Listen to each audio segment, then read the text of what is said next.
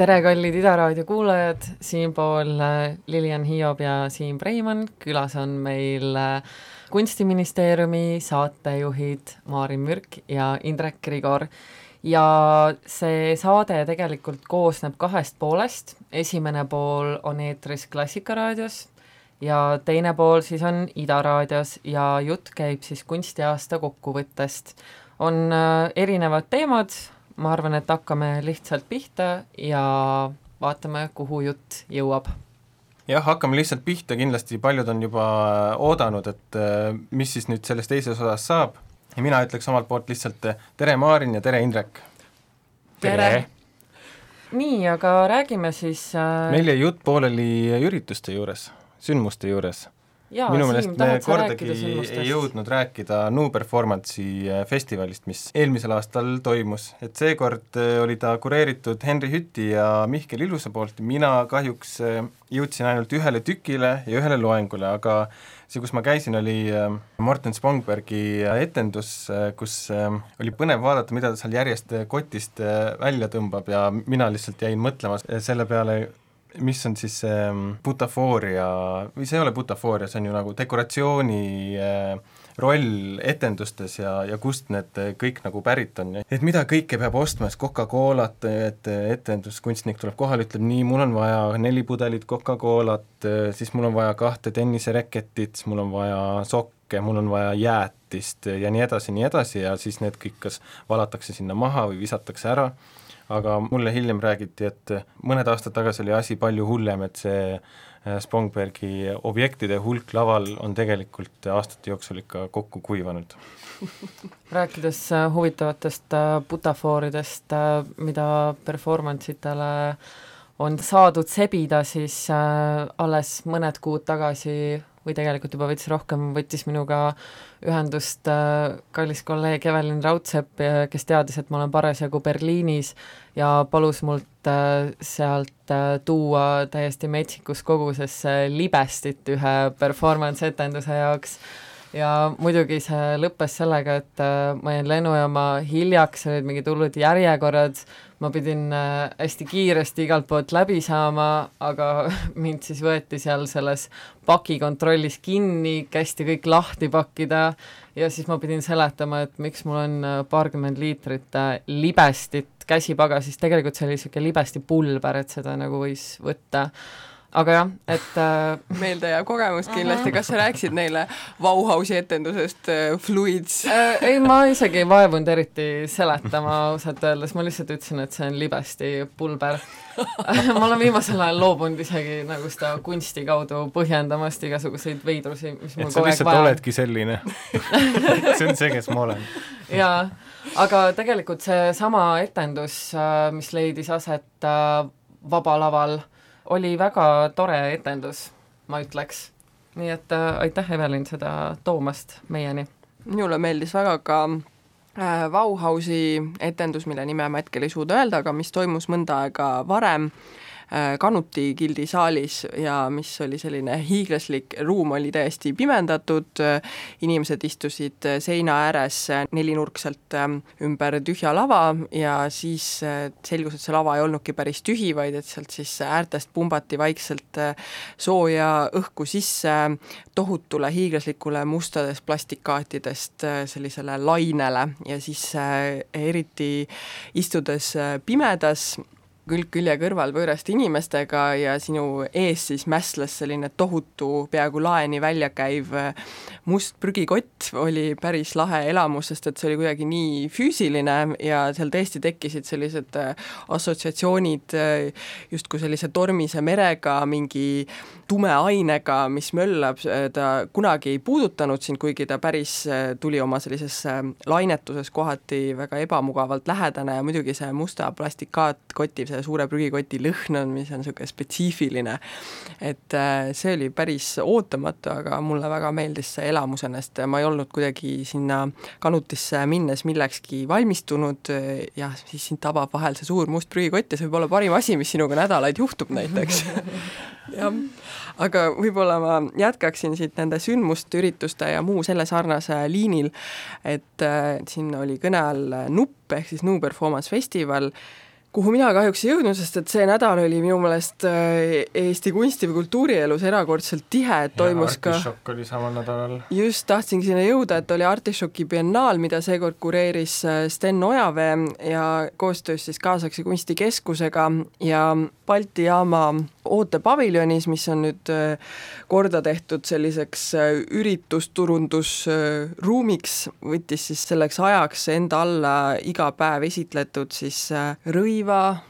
komplektid, teosed, mis siis kuidagi tõlgendasid äh, Eesti või sellist rahvuslikku või üldse identiteeti ja kaasaegse moekunsti seoseid. Ja mulle väga äh, meeldis seekordne Artišoki biennaal, ma arvan, et esimest korda see aspekt, et sellel oli mingi teema, jällegi andis äh, kuidagi sellele komplektile mingi uue kandevõime, tekstid olid huvitavad, tekstid olid väga mitmenäolised, teadupärast siis selle biennaali formaat on see, et esitatakse ühte uut äh, produktsiooni ja siis äh, selle kohta kirjutatud kuni kümmet äh, teksti erineva taustaga kirjutajatelt, et see tekstimassiiv oli päris huvitav, minu meelest see tõmbas ka päris palju tähelepanu, sai päris hästi kajastatud, nii et selles mõttes see on üks selline eksperimentaalne formaat, mis on õnneks veel elus. Ja samal ajal toimus ka veel Üleheli festival, mis siis jäi siis sinna rubriiki, kuhu jälle kahjuks ei jõudnud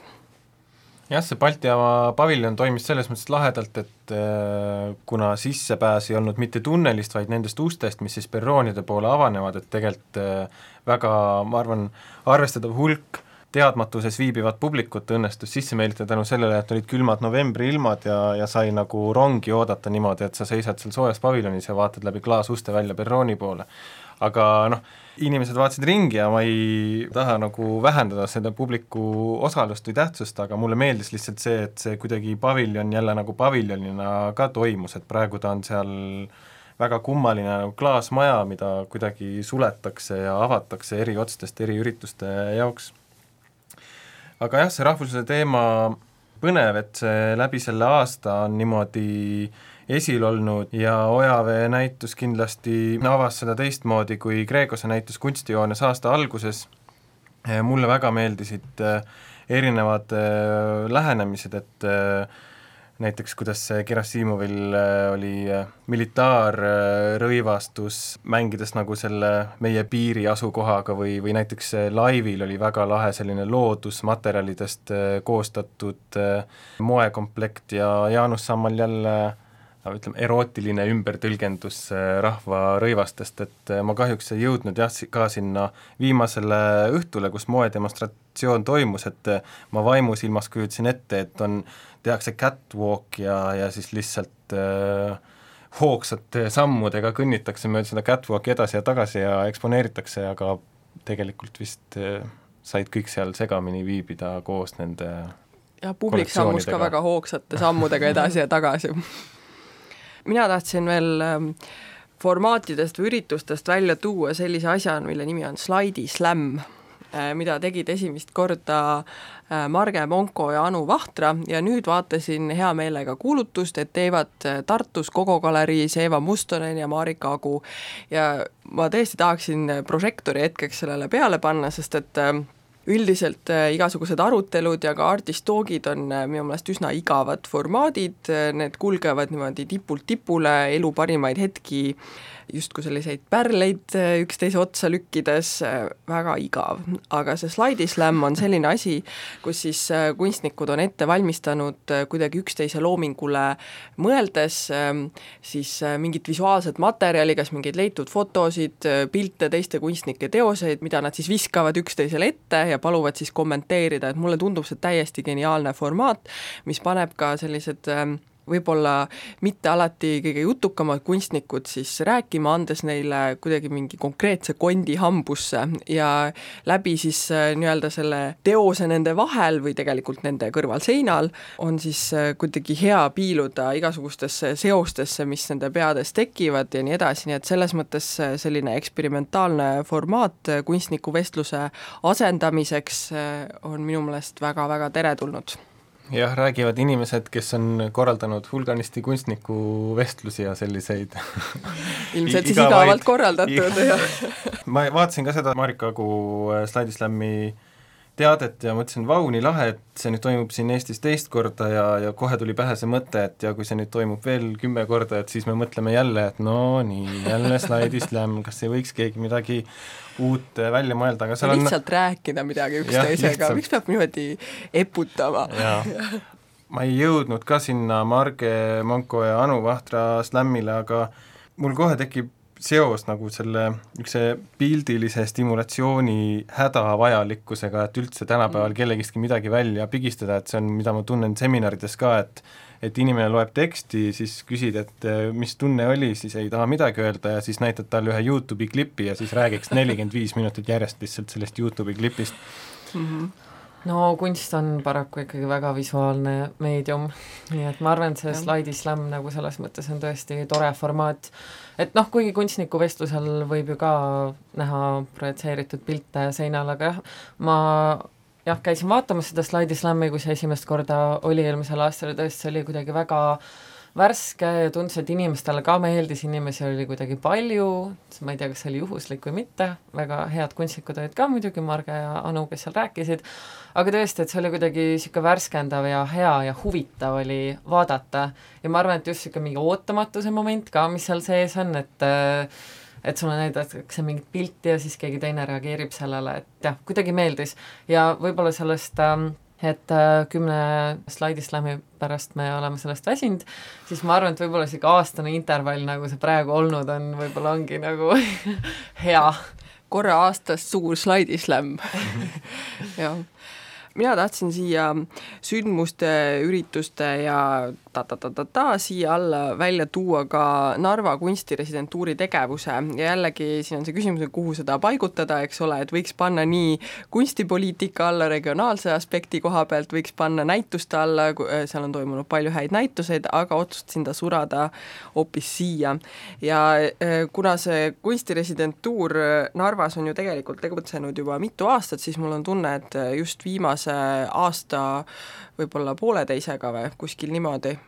pigem aastaga, on ta saanud siis äh, Ann-Mirjam Vaikla äh, käe all kuidagi mingi uue hoo sisse ja, ja see hoog on nagu päris suur, mulle tundub, ja kui ma vaatasin, mis laadis üritusi seal toimub, et et see on ka selline huvitav väljakutse, et ühelt poolt sul on see karismaatiline vana maja, eks ole, mil, mis kuulub Kreenholmi äh, tööstuse kompleksi, mille siis ähm, praegused omanikud on otsustanud anda nii-öelda avalikku kasutusse, kultuurikasutusse, aga teiselt poolt on sul siis Eesti Kunstiakadeemia ja siis kolmandalt poolt on sul veel äh, Kultuuriministeerium ja ühesõnaga neid juba, neid huvigruppe on seal päris palju, kes selle karismaatilise maja ümber on, on koondunud, aga et äh, kuidas praegu on see programm erinevatest osadest kokku lapitud, on minu meelest päris hea näide sellest, kuidas teha mõnes mõttes nagu kompromissitult kaasaegse kunsti reeglite järgi ühte residentuurigalerii, galeriid ja teiselt poolt nii, et see oleks ikkagi tundlik siis selle kohaliku kogukonna suhtes ka, et ma vaatasin, et paljud kolleegid on hakanud palju tihedamini käima Narvas, loomulikult Narva is, is next on nagu see hashtag, mis äh, kõige selle kohal kumab, aga vaatamata sellele või, või siis tänu sellele, siis ikkagi on see Nart äh, just ka näitusepaigana või näituse produtsendina, ma arvan, päris hästi tulnud äh, pildile kaasaegse kunstimaastikul ja teiselt poolt siis kõik sellised tegevused nagu kõikvõimalikud töötoad, ma vaatasin, et seal on palju noortele töötubasid, äh, alates äh, DJ algtasemest kuni portree ja kõikvõimalike selliste loominguliste projektideni, aga samas on seal ka selline nähtamatum osa residentuurid, mis kunagi ei saagi tuua palju huvilisi, sest residentuur ongi selline intiimne ja sissepoole vaatav formaat, aga samuti ka ma ei tea, näiteks kogukonna õhtusöögid ja nii edasi, nii edasi, et, et selles selles mõttes see, kuhu ta nagu praegu hüpanud on, on minu meelest väga-väga huvitav ja tõesti ka kõigi nende teiste Narvas aset leidnud tegevustega, muusikafestivalidega, linnaruumi projektidega, et seal tõesti on seda elu käima tõmmatud ja, ja kui meil on vaja siis mingit sellist suurt eh, eurohurraad selleks, nagu on see kultuuripealinna taotlemine, siis no jumala eest rohkem, rohkem ja, ja uhkemalt, sest et tundub, et see ikkagi võimaldab ka siin kohapeal mingeid eh, ressursse ja inimressursse mobiliseerida. kas te kirjutate alla sellele, et Narva is next? Siin ta, muidugi Indrek on siin, tead, sellise vana tartlasena muidugi see on niisugune valus küsimus, et teadupärast siin sarved on ikka kokku pandud Tartu ja Narva vahel. Narva on kindlasti väga huvitav linn, ma lihtsalt tahtsin öelda, et äh, mul oli seal rõõm teha ka väikest residentuuri, kui ma veel käisin äh, EKA-s kultuuri õppimas ja seal nendes Narva Kreenholmi majades kümme päeva töötada ja olla oli ikka megakogemus ja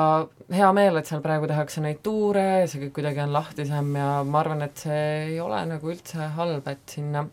seda tähelepanu tuuakse, aga võib-olla üks asi, millele ma olen nagu mõelnud seoses sellega ja see ei puuduta praegu otseselt seda kunstiresidentuuri ja seda Narti, mis on ka täiesti super, ma olen nõus, ta on nagu väga hästi kuidagi tulnud skeenele, vaid pigem võib-olla seda üldist, seda kultuuripealinna asja, mis seal on, et seal ju ei ole seda nii paljut kultuuri, mida saaks Euroopale näidata, et see kõik tuleks sinna nagu importida siis Tallinnast ja Tartust ja igalt poolt mujalt, et äh, lihtsalt selline mõte tekkis, et äh, ega seal seda kohalikku kultuuri ju siis ei näidata, et kõik see, mida seal siis näidatakse selle Euroopa kultuuripealinna raames, ilmselt siiski tuleb nagu kuskilt mujalt ja lihtsalt see lõuend on siis see Narva linn nii-öelda see oleks küll natuke kurb ju, või ma, ma tegelikult ei ole kursis Narva kultuurieluga, selles mõttes, et mina olen ehtne turist, kes sinna selle Narti ja Kreenholmi pärast äh, on ja ma ei tea, Narva-Jõesuu pika liivaranna pärast vahepeal juhtunud, aga et et ma ikkagi loodan, et seal kohalikul tasemel äh, muusikaelus äh, minu meelest toimub väga huvitavaid asju, Vaba Lava on selleks ajaks juba pikki juuri ajanud ja kohalikke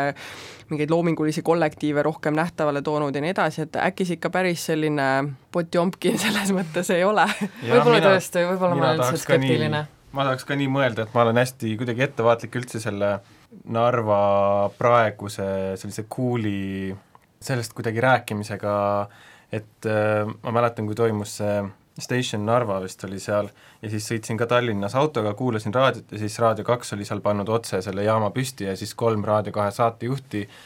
vanusest kakskümmend viis kuni viiskümmend viis rääkisid sellest, kui cool Narva on ja kuidas nad seal esimest korda on üldse oma elus ja siis missuguse lääne linnaga see kuidagi nagu sarnaneb ja siis sa kuulad seda, mõtled, et kas sa üldse saad aru, miks see üritus seal toimub, et see ongi see probleem, aga siis ma mõtlesingi, et okei okay,, et las siis olla, et äkki kui piisavalt palju neid üritusi korraldada, siis kõik Eesti inimesed käivad lõpuks seal ära ja me kuidagi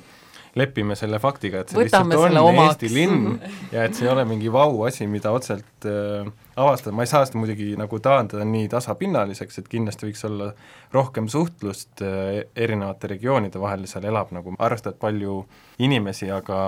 noh, ma arvan, et see ju siis, kui Tallinn oli kultuuripealinn, see oli samamoodi, et ma ei tea, kas nüüd importi see kultuur, aga et see loodi jälle nagu sellise suure rahasüstiga nagu nullist, et võib-olla ta on kultuur, mis ei jää püsima või mis ongi nagu selleks hooajaks mõeldud, kui Narva peaks selleks kultuuripealinnaks saama, siis jällegi noh, ma ei tea, kas ta on siis nagu imporditud, kui ta on seal kohapeal nagu loodud eripäritoluga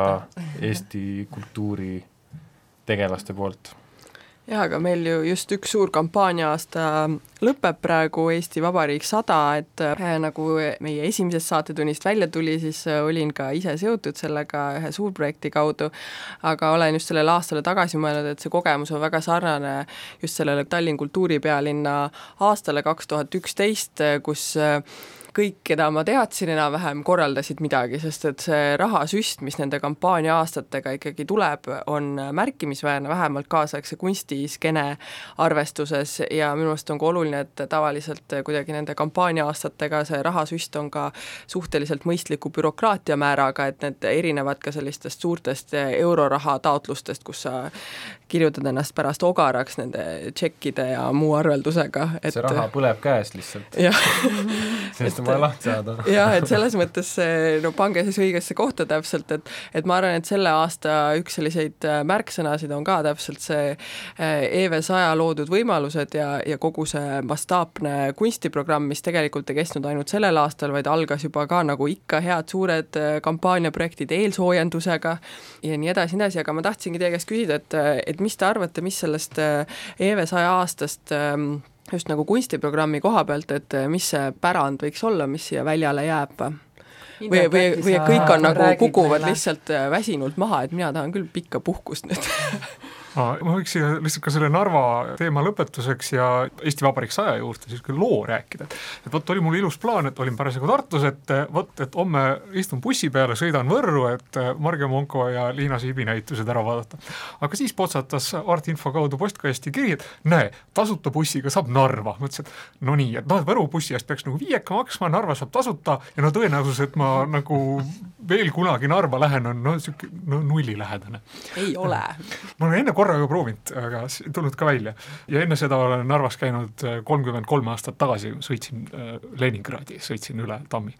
noh, et, et siis nagu tegelikkus kokku võtta. ühesõnaga istusin siis hommikul Tartus selle kunstibussi peale, mis inimesi Narva viis, äh, oli niisugune ilus suur sinine niisugune viiekümne viie kohaline buss, kus istus kuus inimest ja mõtlesin ka, et huvitav, et, et miks kedagi ei taha tulla nagu Narva Paul Kuimeti näituse avamisele. noh, mis iganes. ma olin selles bussis ei no lihtsalt, et noh, et siis jõudsin nagu kohale ja siis ühesõnaga toimub avamine ja nii edasi ja nii edasi ja siis mul tekkis niisugune valgustuse hetk, mille ma nüüd küll üldistan ühe üksiku juhtumi väga suureks, aga, aga lihtsalt, et iseendale nagu olukorda seletada, siis üks kolleeg, kes minuga kaasas oli seal kunstibussi peal, küsib siis seal Kuimeti avamisel mingi hetk minu käest, et kuule, et et Grigor, et räägi mulle, et, et noh, et kes see Paul Kuimet niisugune on, et noh, et mis teeb ja noh, et kes sihuke on? ja siis ma sain järsku aru, et miks Tartust keegi nagu kunstibussi peale nagu Narva ei tule, sest keegi kurat ei tea, kes on Paul Kuimet, et miks, miks ma peaksin minema Narva vaatama mingit Paul Kuimetit, kui ma isegi ei tea, kes see on või mis see on või noh, et et ma, ma ei ole päris kindel, mis selle loo nagu moraal on, aga see on aga, väga valus. aga, aga, see nagu minu jaoks pani nagu mingi asja nagu paika kuskil koha peal, et noh, et oot-oot-oot, et need asjad ei ole päris nii lihtsad ja ja kui me sellest Eesti Vabariik saja pärandist räägime, siis üks asi, millest mul on, mul on väga kahju, et ma seda tänavust Kunstiministeeriumi hooaega avasin äh, intervjuuga, mille ma tegin Tanel Randeriga, kes tegi Valgas Eesti Vabariik saja raames oma residentuuri ja, ja tal oli seal ka oma Privibas galerii ja ta üritas ka Valga muuseumiga koostööd teha ja nii edasi ja mul väga kahju, et ma ei alustanud juba kaks tuhat seitseteist Taneliga, siis kui ta alustas ise seal tööd, oleks pidanud kohe algusest peale Taneliga hakkama vaikselt neid intervjuusid tegema. et see oleks olnud nagu väga huvitav äh, selline no nagu arengulugu, kuidas äh, idealism hävib äh, hävib nagu selle kohapealse tegelikkuse suhtes, et noh, et ei, ei nagu toimi, et noh, et muidugi võib argumenteerida, et Tanel ei ole ka noh, isiksusena kõige lihtsam ja nii edasi, et noh, et selle võib, alati võib nagu kes meist oleks. jah, just, et noh, et, et me võime leida igast, aga, aga minu jaoks see Taneli noh, kogemus oli, oli ka niisugune kuidagi huvitav, et jah, et sa võid ju küll minna sinna koha peale ja sa võib selle kohaliku muuseumiga selle kontakti luua ja nii, et kuulge, et hakkame tegema. aga ei maksa üldse alahinnata sellist nagu kohalikku vastupanu sellele, et kuulge, et me ei taha sind siia või noh, et me, me ei taha ma võib-olla ütleksin siia ikkagi nagu Tartu kaitseks ja Kuimeti teema bussi lõpuks, et et olles ise sellel aastal pidanud ka organiseerima eh, suuri, väikseid, siniseid, punaseid ja lillaseid busse erinevatesse Eestimaa otstesse, siis eh, ma arvan, et see alati ei ole jah, seotud sellega isegi, kuhu see buss hetkel viib ja kui palju seda sisuturundust on varem jõutud teha, aga, aga lihtsalt see aasta ongi inimestel olnud nagu meeletult tihe ja meeletult keeruline ja see lõpuks, kui palju inimesi seal bussis on ja kes need inimesed on ja kuidas selle publikuni jõuda, see, mida mina võtan sellest aastast kaasa, ongi, et see ongi raketiteadus põhimõtteliselt. et mina ka ei tea, mina ei saanud ka kõiki oma busse täis selles mõttes. Aga kui mõelda, et mis jääb sellest EV100 äh, kunsti osast nagu pärandiks, siis minu meelest võib-olla ongi see, see väljapoole suunatud programm, rändajate programm, kust kindlasti Liina Siib ja äh, Karel Koplimets jäävad mulle väga meeldib, minu meelest see, kuidas Karel sellest taarast laeva ehitas see on täiesti uus lehekülg tema praktikas ja tuletab mulle meelde umbes seda uus kuidas... praktika ka laevaliikluses. ka laevaliikluses ja ka noh, kindlasti pandipakendile ei meeldinud väga see, mida ta tegi ja, ja ka me-, meenutas mulle niisugust seda, kuidas Thor Heyerdahl kunagi ehitas Kon-Tiki parve ja tõestas, et äh, mandritevaheline reis oli võimalik ka muinasajal ja samamoodi Liina Siib Soomes, jah, Tanel on ju seal äh, lõunapiiri peal, just see, et, et ta kuidagi võib-olla valgus laiali mööda Eestimaad ja kuidagi Eesti piiride peale ka, et äh, jah, see on see, mis mina võtaks kaasa. aga ma liiguks nüüd sündmuste lainelt edasi äh, teemade ja trendideni, ma teeks ise otsa lahti, et mul on tunne, et ma ei tea, kas see tuleb nüüd minust endast, aga et, et aeglus on kuidagi väga oluline äh, ja väga esil. Ja väga paljude näituste puhul, mida ma ise ka enne mainisin äh, saate esimeses pooles, saab ka selle aegluse nagu sinna sisse tuua ühtpidi ja teistpidi on põnev nagu kohtuda inimestega, kes äh, proovivad seda sõnastada ja siis üritada mõista seda, et mis on nende motivatsioon üldse kuidagi selle enda olemise kiiruse režiimi muutmiseks, et äh, mul on ütleme, laias laastus ma ütleksin, et ma oskan eristada kahte põhilist äh, aeglane olemise režiimi ja üks on siis see kui sa ei ela mitte siin äh, vaikses Eestis, vaid kuskil äh, käravas äh, suuremas metropolis. mingis metropolis, et siis kuidagi se-, selle kontrastiks sa võib-olla kas oma praktikas ideaaljuhul muidugi sinu praktika ulatabki läbi sinu kõikide pooride otsid seda aeglust, et kuidagi ellu jääda selles räiges konkurentsis, või siis sul on see niisugune loomuomane äh, aus äh, aeglus, mis tulebki kuidagi eestlane või, või siin väi-, ütleme, perifeerias elamisega kuidagi nagu kaasa, et et see ongi selline režiim. ja seda näeb näiteks äh, EKKM-is äh, Kati Saaritsa ja Laura Põllu kureeritud näitusel kindlasti tuleb see materjali teema välja, siis Mihkel Ilusaga, kui oleme rääkinud tema praktikast seoses tema kuraatori näitusega, mis Norras meil toimus kevadel, tuleb ka see materjaliga süvitsi minek, äh, ajamõõde, maalikunstnikud räägivad sellest pikast äh, ateljees või stuudios viibimisest, aga ka kuidagi just võib-olla suhtlemise, asjaajamise kiiruse kuidagi allatõmbamine tuleb teemaks. et ma ei tea, kuidas teile tundub jah, võib-olla see aeglus ka, jah, ma olen nõus, et see on nagu laiemalt ka teema ja just see, et nagu mitte... no sul käis su külas? paar kuud tagasi käis äh, Vitamiin K saates külas Hanna-Laura Kaljo, kellega me natuke pikemalt puudutasime seda aegluse teemat ja mis sealt tuli välja, et tegelikult see aeglus, et see on noh, et võib-olla sinna peaks tegelikult mingi muu sõna nagu leidma, et see on ikkagi nagu ka niisugune hoolitsus ja enda eest hoolitseme oma kolleegide eest, hoolitsemine ja lisaks, mis ma nagu omalt poolt lisaks selle aegluse puhul, on kindlasti see, et meie vähemalt sinuga, Siim, võib-olla oleme veel enne olnud nii noored, et me oleme nagu tundnud, et me peame tõmblema kogu aeg, võtma vastu kõik projektid, mis meile pakutakse, et ennast kuidagi nagu professionaalselt tõestada, aga mul käis küll näiteks see aasta mingi hetk niisugune klikk ära, et ma sain aru, et okei okay,, et ma ei pea nagu kõike tegema, mis mulle pakutakse. Ja ma tahan teha seda, mida ma teen väga hästi, mitte lihtsalt, et mul oleks nagu CV-s hästi pikk nimekiri mingeid asju, mida ma teinud olen. et ma arvan, et niisugune nagu süvenemine, millele aeglus nagu kaasa aitab, et see on väga oluline üldse, üleüldse ma arvan, et võib-olla nagu meie natukene vanemad kolleegid on võib-olla sellega juba nagu rahu sõlminud, selle aeglusega, ma ei tea, Maarin ja Indrek, te olete pikemalt olnud kunstiväljal tegevad. ja vanema kolleegina ma siinkohal siinkohal sooviksin öelda kogenuma. kogenuma kolleegina ja tõesti ka vanema kolleegina et äh, see ei ole üldse lihtne, et äh, minule võib-olla seostub see, üks on see nagu aegluse teema, mis tuleb läbi kunstniku positsioonide, materjaliga tegelemine, näiteks Laura Põld, tema väga pikaajalised äh, praktikad, väga palju seotud äh, Eva Mustoneni loominguline portfoolio koosnebki selles mõttes sellistest tõesti reaalselt asjadest, mis võtavad aega, et neid teha ja kasutavad siis erinevaid käsitöövõtteid ja, ja nii edasi, erinevat traditsiooni. Eva Mustonini aeglus on täiesti ulmeline, ma lugesin nüüd tema teksti värskest rõhust, kuidas ta läks lörtsiga, liinibussiga ehituse abc-sse prusse ostma, siis ta ei mahtunud nendega bussi peale, siis ta jalutas selle pakiga läbi lörtsi tund aega Raja tänavale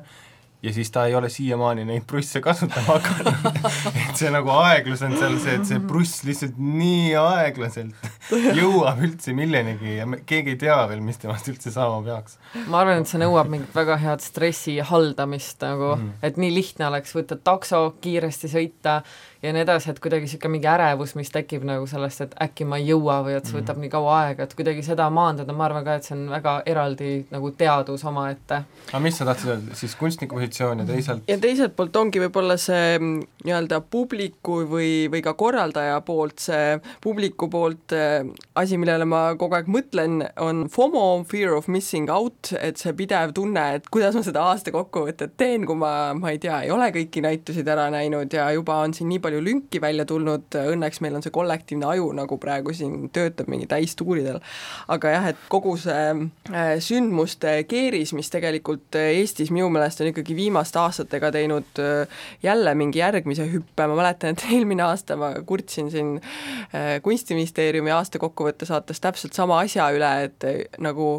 andke õhku natukene või et millal ma neid raamatuid veel peaksin lugema ja nii edasi, nii edasi, millal ma üldse suhtlen kolleegidega, kuidagi mingis rahulikumas tempos ja nii, ja selle ürituste korraldamisega, mis on tõesti väga heal professionaalsel tasemel, väga põnevad, hästi tehtud, et selles mõttes minu arust see tase on mõne viimase aastaga ka jälle läinud mingile uuele levelile, aga vot siis ongi see kunstipubliku teema ühelt poolt ja ise ka kui kunstipubliku teema ja siis teiselt poolt see kogu administratiivne mingi gammaia, mis käib siis selle masinavärgi kuidagi käigus hoidmisega, et, et siis, kui sina mõtled, et sina nüüd aeglustad ennast, eks ole, aga kuidas sa teed selle selgeks oma kolleegidele ja see justkui tundub, et me kuidagi korraldame sellise hoo ja pühendumisega mõnes mõttes ka kompenseerida seda vähest töötasu, mis väljal üldse liigub, kui seda üldse liigub, et palju on ka ikkagi tasustamata tööd ja nii edasi. et mina küll unistan sellest, et toimuks mingi selline totaalsem aeglustumine või, et näiteks ma ei tea, aasta aega toimuks palju-palju vähem asju, näitusid oleks palju vähem, inimesed loeksid, vestleksid, mõtiskleksid, ma ei tea, oleksid omaette või midagi sellist, et aga noh, see kõlab äh, võib-olla veits napakalt mm,. sellepärast mul vist oligi võõras ku-, kuulda, et et keegi kibeleb nagu sõnastama seda aeg-, aeglustumist, et minu meelest see ongi see, mida sa teed salaja kodus, et teised ei arvaks, et sa ei tee mitte midagi, sest et tempo on ju nii suur ja tegelikult kogu aeg tuleb tegeleda mm. -hmm. aga teine asi, mis äh, mulle tundub ka, et nagu kunstitrendina see aeglus käib selle käsitööga, taktiilse kunsti tegemisega käsikäes ja teine märksõna, mis minu jaoks on hästi esil, on äh, keskkonnateema, et äh, täpselt nii, nagu tänu rahvusvahelisele poliitilisele kliimale see rahvuslus on läbi selle aasta erinevatel näitustel Eestis esil olnud, siis ka keskkond äh, vaikselt hakkab nagu oma pead tõstma.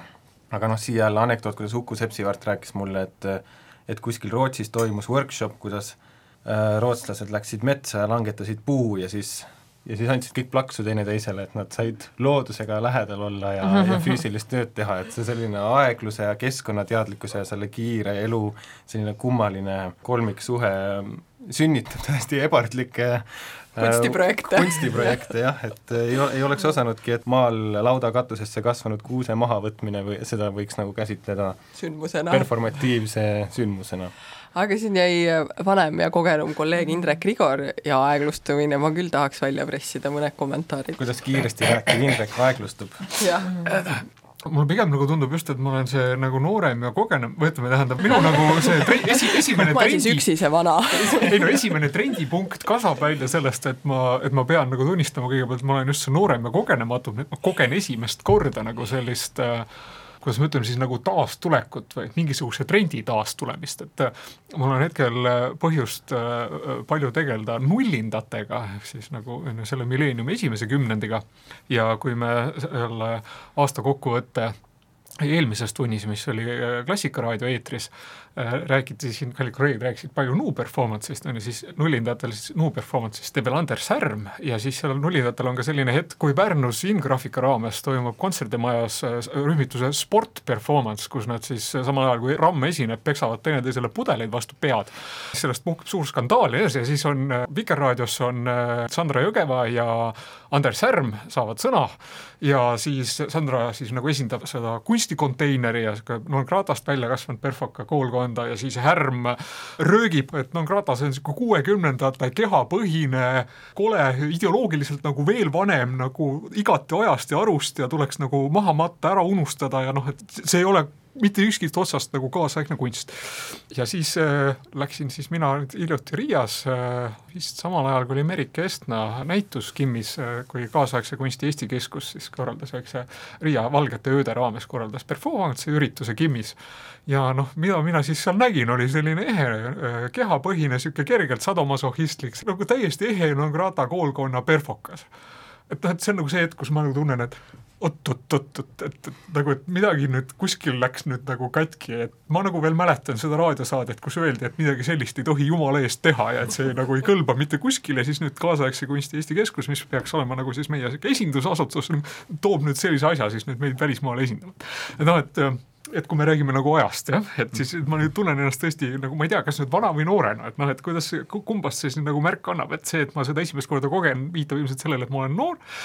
aiku jah, ja see, et ma sellest räägin, viitab sellele, et ma olen ikka muldvana, on ju.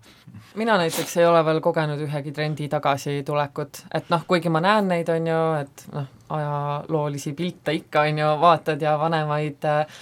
kümnendeid ja nii, aga siiski, et nagu reaalselt olnud mingi trendi sees niimoodi, et see juba praegu tagasi tuleks, seda ma veel ei ole ise kogenud. aga võib-olla mm, rääkides nendest kunstitrendidest, siis mul on siin paar märksõna ja ma lihtsalt võib-olla viskakski need märksõnad õhku, üks on kindlasti see aeglus, millest me rääkisime, sinna ku-, kuulub ka niisugune väljend nagu JOMO, ehk siis joy of missing out. Ähm, äkki peaks võiks... seda praktiseerima rohkem. jah, et äh, kaotatud on see ärevus selle nii-öelda missing out'i ümber ja see muutub nagu mõnuks ja selle teema juurde veel korra tagasi tulles, siis ma tahtsingi öelda, et äh, sa rääkisid, Maarin, et äh, justkui niisugune tunne on, et igale üritusele peaks jõudma, kõigest peaks osa saama ja nii edasi, aga tegelikult ei pea ja ma just mõtlen, et kui sa näiteks elad äh, suurlinnas, siis sul isegi ei ole nagu niisugust mõtet, et sa pead kõigele -hmm. jõudma, et sul on lihtsalt nagu nende ürituste näol, sul on valikuvariandid, et kuhu sa võiksid minna, kui sa tahad. et nagu Eestis nende kunstisündmustega on küll see, et sa kuidagi nagu tunned, et sa pead neile kõikidele jõudma. Ja võib-olla see on sellepärast, et Eestis kunstiskeene on nii väike, et neid korraldavad samad inimesed ja see on nagu justkui samasse auku kogu aeg ja siis tunned, et see nagu sind konkreetselt see on nagu mingi isiklik kohustus justkui sa oled oma homisid toetama ja. umbes, jah. Aga ja. võib-olla siis tuleks harjuda mõttega, et Tallinn on suurlinn. Ja et siin ja ei jõua kõike lihtsalt teha. jah, ja relax. ja, mõnikord, kui keegi küsib, mis sa teed, siis ütled, ma ei lähe sellele artist-talk'ile slaidislämmile. jah, vabandust jah, aga üldiselt äh, trendid esil, mul on nagu hästi primitiivselt siia kirja pandud, aga võib-olla lihtsalt ütleks need välja, mis on äh,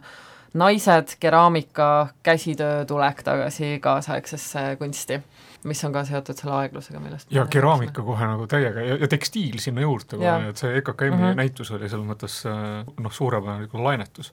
ma, ma lisaks siia ka kohe veel, et noh, et kui vanadest asjadest rääkida, siis kolm neljandikku ekraanid on tagasi, et ma juba e, e eelmine aasta Documental täheldasin, et kolm neljandik formaat on, on näha, kuidas kõik näitusepinnad on väga hädas sellega, et ütleme, videoprojektsiooni puhul ei ole probleemi, on ju, aga kui sul on vaja see video panna ekraani, siis selline asi nagu suureformaadiline kolm neljandikku ekraan, et seda, seda ei ole olemas, seda ei olegi kunagi toodetud. Hmm.. ja olen taga ajanud neid. kust saab? Poolast laenutatud kolmkümmend seitse tolli on kõige suurem lame neli kolmele ekraan. nii, jätke meelde liiguks edasi või on sul veel trende? ei, ma just tahtsin ka edasi liikumist ma, ma, ma igaks juhuks rõhuks veel korraga, et skulptuur on saanud palju tähelepanu. Äh, et kui nüüd sellest Kurismaa näitusest sai räägitud, siis mulle väga meeldis, et et kui ma siin vingusin eelmises saatetunnis, mida te saate sealt Klassikaraadios kuulata, et Kaarel Kurismaa näitusel ei olnud maale, Kurismaa maale, siis mulle väga meeldis see, et oli Gregor Tauli nagu eraldi nurk Kurismaa nendest välisskulptuuridest. ja kunstiteaduste kuraatorite ühingu nüüd selle aastane konverents oli pühendatud äh, skulptuurile mina ja. ka hetkeks veel peataksin seda edasiminekut, äh, hoian kinni ja tahtsin öelda, et äh, mis need teemad veel esil on olnud, et tegelikult esimeses saatetunnis me pikalt rääkisime sellest äh, biennaali mullistusest, mis on nüüd tabanud ka meid lähemalt ja rääkisime pikemalt Riia biennaali Riboka näitel ja Balti triennaali näitel siis sellest kunstimaailma mõnes mõttes nagu mainstream formaatide jõudmisest siia regiooni ja sellest, kas me peaksime olema õnnelikud selle üle, uudishimulikud, veidike skeptilised või hoopis hoopis äh, viskama need kuhugi selja taha kui vananenud. ja teine teema, mis mulle tundub ka, et on nüüd esil olnud, on, mida Lilian sa ka juba ära märkisid, on see naiskunstnike teema, et äh, Anu Põderi näitus Rebecca Põldsami kureerituna eelmisel aastal Kumus, juba eelmises saatetunnis käsitletud äh, abstraktsioon kui avatud eksperiment Tallinna kunstihoones, Tartmus siis äsja avatud näitus äh, Isekeskis äh, naine kujutamas naist äh, ja Kumus on tulemas siis kaks tuhat üheksateist. Suur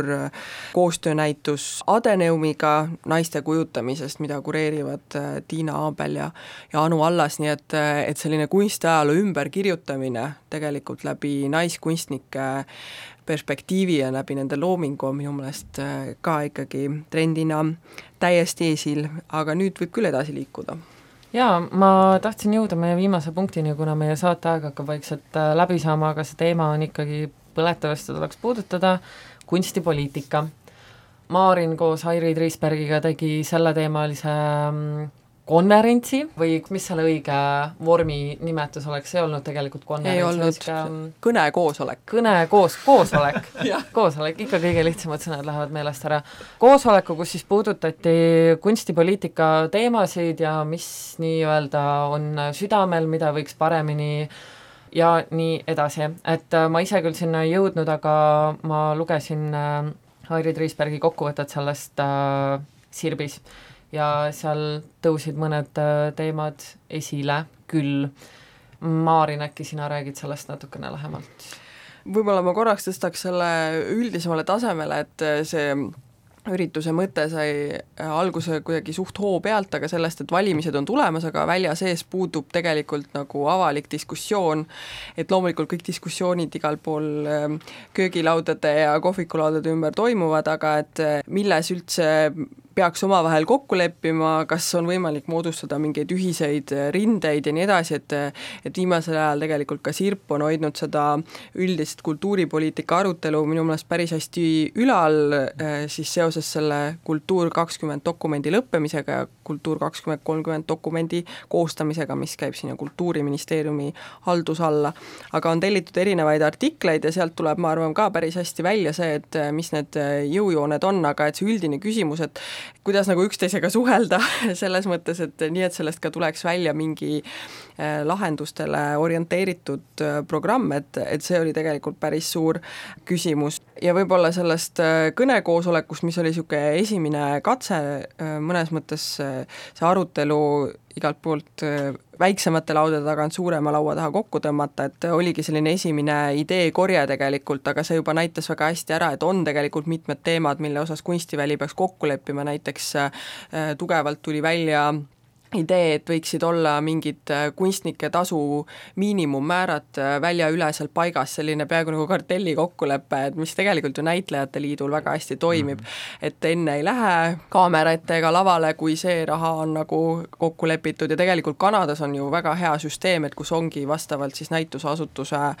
aastaeelarvele ja muudele kriteeriumitele, et tegelikult seda on võimalik äh, kokku leppida ja nii edasi ja minu arust väga huvitav ongi, et et okei okay,, et on terve hulk kunstnikke, kes on huvitatud selle kokkuleppest, aga kes seda nüüd edasi peaks kandma, et kas see on Eesti Kunstnike Liit, kas peaks moodustama mingi uue liidu,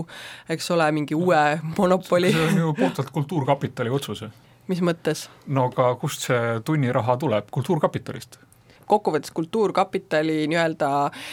tööandja on tegelikult ju kunstnikud ja kunstiväli ju selles mõttes, et eh, selles mõttes ma arvan, et see suhtlus peaks käima pigem ikkagi sedapidi, et kunstnikud ja kunstitöötajad lepivad midagi kokku ja siis eh, Kultuurkapital peab selle teadmiseks võtma oma raha jagamistel. Või selles mõttes, et Kultuurkapital ise, ma arvan, ei peaks seda nagu poliitikat, poliitikat tegema, jah jah, kuigi ta loomulikult läbi oma otsuste kogu aeg teeb ja nii edasi. Ja võib-olla sellest kunstipoliitikast äh, sellega jätkates, et äh, üks asi, mille üle ma ka võib-olla siin kriitika valguses olen viimasel ajal mõelnud, ongi just see, et et kuidas teha seda institutsioonide kriitikat, et äh, et lugesin hiljuti Margaret Tali artiklit, mis unistas uutmoodi oma publikusse suhtuvast kunstimuuseumist Kumu näitel ja viskas õhku terve hulga teemasid, aga mis mind tegi selle juures natuke nukraks, oli see, et äh, kirjutaja ei olnud ennast kurssi viinud, mis hetkel tegelikult äh, Kunstimuuseumis toimub ja näiteks samamoodi Rael Artel arvustades äsja Ekspressis äh, salatoimikute näitust, mis on väga selgelt sõnastatud, et näitus tegeleb salatoimikutega, eks ole, ehk siis kõigi nende marginaalsete väikeste ähmaste juhtumitega, küsib umbes peaaegu iga lõigu lõpus, aga miks Kumu ei tegele üheksakümnendate kaanoni loomisega ja mainstream'i kirjutamisega, et, et noh, siis sellistel hetkedel tekib küll tunne, et meil on need mõnes mõttes need avalikud platvormid, põhiliselt Sirp, eks ole, kus neid küsimusi tekitada, aga kuidagi vahepeal need asjad jooksevad nii nihuv, et võib-olla enne peaks nagu üksteisega rääkima ja siis äh, kuidagi sellisele laiemale kultuuriavalikkusele mingi sellise teksti välja söötma, et selle üle võib-olla on ka üks tendents, mida me mõtlesime selle kõnekoosoleku formaadiga kuidagi ergutada natuke, et aga kas sa praegu iseendale vastu ei räägi, et sa ühelt poolt nurised, et kuidas räägitakse köögilaua taga ja siis äh, nüüd jälle räägid, kuidas peabki rääkima kõigepealt köögilaua laua taga? kõigepealt peab rääkima ikka omavahel ja siis alles seda välja kommunikeerima, ma arvan jah, et võib-olla seal on see vaheköögilaud, ongi selline nagu mingi ühisruum, kus kokku tulla, et kus sa räägid nii-öelda selle kunstivälja sees, aga minemata veel nii-öelda teatrivälja, muusikavälja ja teiste naabrite juurde seda kohe kuulutama, milleks on Sirp minu jaoks. võib-olla selline kriitiline meelsus või kriitikauss ongi inimeste sees teatud juhul nagu olemas, et see võib-olla selline kontrollkõne, et kuidas teil tegelikult see näitus mõeldud oli, kuidas teil asjad käivad, võib-olla ei aitakski, et minu meelest seal sellel samal kõnekoosolekul tuli ka seda välja, et kuigi noh, et oli välja hõigatud see probleemi korjena, on ju, fookuste probleemi korjena, siis ikkagi oli ka neid, kes noh, väga kitsalt nagu rääkisid sellest kuidagi isiklikust sellisest äh, nördimusest või, või niisugust asjast lähtuvalt, et äh, aga see õnneks ei olnud nagu reegel, et oli ka piisavalt palju inimesi, kes kuidagi suutsid oma positsioonilt kuidagi ka üldistatud pilku heita sellele väljale, et kuidas see probleem nagu tõlgendub ka teiste asutuste või agentide tegevusse ja mis võiks olla siis nagu ühine äh, lahendus neile, et äh, aga nüüd tulebki kuidagi selle väljasisese arutelu äh, kuidagi soojas hoidmisega edasi minna, aga eks see on ka juba selline aasta kaks tuhat üheksateist teema mm. -hmm. kas järgmine arutelu on juba plaanis ka sellel teemal, Maarin? Ilmselt tahaks teha jaanuari lõpupoole, aga täpset kuupäeva ei ole veel paigas. aga sealt tuli väga selgelt välja jah, et mis need väljasisesed kokkulepped ja arutelud võiksid olla, ilmselt edasi ei läheks enam sellises kõnekoosoleku formaadis, aga juba mingite ettekannetega, et võib-olla siis hakkame jõudma lähemale sellele konverentsi formaadile. jah. ootan nii, aga nagu sa ütlesid, et, et see pigem on see diskussiooni soojas hoidmine, et ärme siis räägi konkreetselt sellest EKKM-i kohtumisest, vaid, vaid just, et mis siis äh, lõppenud aastal oli hea, halb ja mis on täpselt sama, et äh, mina olen selles mõttes ka nagu, nagu ikka kunstiagendile kohane lõhestunud isiksus, et äh, ühtpidi kunstihoone töötajana mul on väga hea meel, et äh, kunstihoonel on nüüd Kultuuriministeeriumi püsitoetus ja mul on hea meel ka iseseisva kunstipinna galerii galerii eestvedajana, et nüüd on Kultuurkapitalis arvestatav hulk raha vabanenud, aga samas just selle Äh, alternatiivse kunstipinna eestvedajana ilmselt ei lõppe veel minu see selline loova raamatupidamise probleem, et see, et seda, et Kultuurkapitali vahendeid liigub nagu rohkem, et see ei võta ära nagu seda probleemi, et seda galeriide toetusprogrammi, mis väga selgelt toetas igasuguseid äh, materjalide või äh, tehnika ostmist või, või üüri maksmist ja nii edasi, et, et sellist programmi tegelikult ei ole ja siit kohe ma sujuvalt jõuan ka nagu enda järgmise põhiprobleemini on, on küsimus, et kus on artist run space'id mm. -hmm. et äh, kedagi võõrustades äh, näitad neile galeriist Tallinnas, küsitakse nii, ja mis on siis see lahe artist run space, mida külastada ja siis pead silmad maha viskama ja piinlikkusega tunnistama, et meil sellist pinda praegu ei ole, ma tean, et Vabade kunstide teisel kursusel on mõned ägedad inimesed, kes on korraldanud äh, korterites näituseid ja nii edasi, et võib-olla sealt kasvab midagi välja, aga noh, et võib-olla nende kahe asja vahel on siiski ka nagu seos, et kui sul ma ei tea, kas see rahastus peakski alati olema nagu nii lihtne kätte saada, et loovas projekti kirjutamises ongi nagu mingisugune et see iseenesest ongi juba mingi lävend, noh et või mingisugune nagu loov äh, probleemi püstitus, et kuidas ma ma asendan äh, mobiilse galerii siduri või kuidas ma maksan äh, korteri üüri, mis tegelikult on kunstipind ja nii edasi, nii edasi, on ju, aga aga kui see muutub äh, pärssivaks niimoodi, et me näeme, et tegelikult nagu pealinnas ei ole selliseid väikseid iseseisvaid pindu, et ähm, no, olen mures. Jaa, sekundeerin murele kindlasti, et, et selles mõttes äh, omaalgatuslike praktikate teema on alati selline minu meelest koos kirjutavate inimeste puudusega selline põhimurelaps umbes ja nii edasi, aga ma mõtlen ka seda, et, et üks on see raha puudujääk, aga teine on see, et võib-olla nagu Eesti kunstielus on igasugused pinnad väga lihtsasti kättesaadavad, et klassikaliselt on ju see, et korterinäitused, stuudionäitused, igasugused ähm, veidrad nurgatagused tekivad sellest, et sa ei pääse kohe esindusgaleriisse, aga Eestis on tegelikult ju suhteliselt lihtne hea projektiga saada hobuse peasse, draakonisse, ilmselt ka Linnagaleriisse, Kunstihoone galeriisse, et meil on üsna selline avatud demokraatlik süsteem. Ja kui sa vähegi juba kannad kaela ja suudad ennast artikuleerida ja teed toredaid asju, et siis äh, võib-olla, võib-olla peaks olema hierarhilisem see selle koha pealt, et sul oleks enne mingid hüppelauad, kui sa sinna draakonisse või hobuse peasse, eks ole, maandud, sest järgmised kümme-viisteist aastat sa ikka tegelikult päris palju oled seal hobuse peas lõpuks ja või siis Linnagaleriis ja nii edasi, et, et võib-olla peaks olema kuidagi rangem see sõelv, aga ma arvan ka, et selline hüppelaua või, või mingi ruum on tegelikult täiesti puudu jah, et seda täitis, ma arvan, tükk aega päris hästi Rundum, aga nüüd Rundum on ka oma pillid hetkel kokku pakkinud.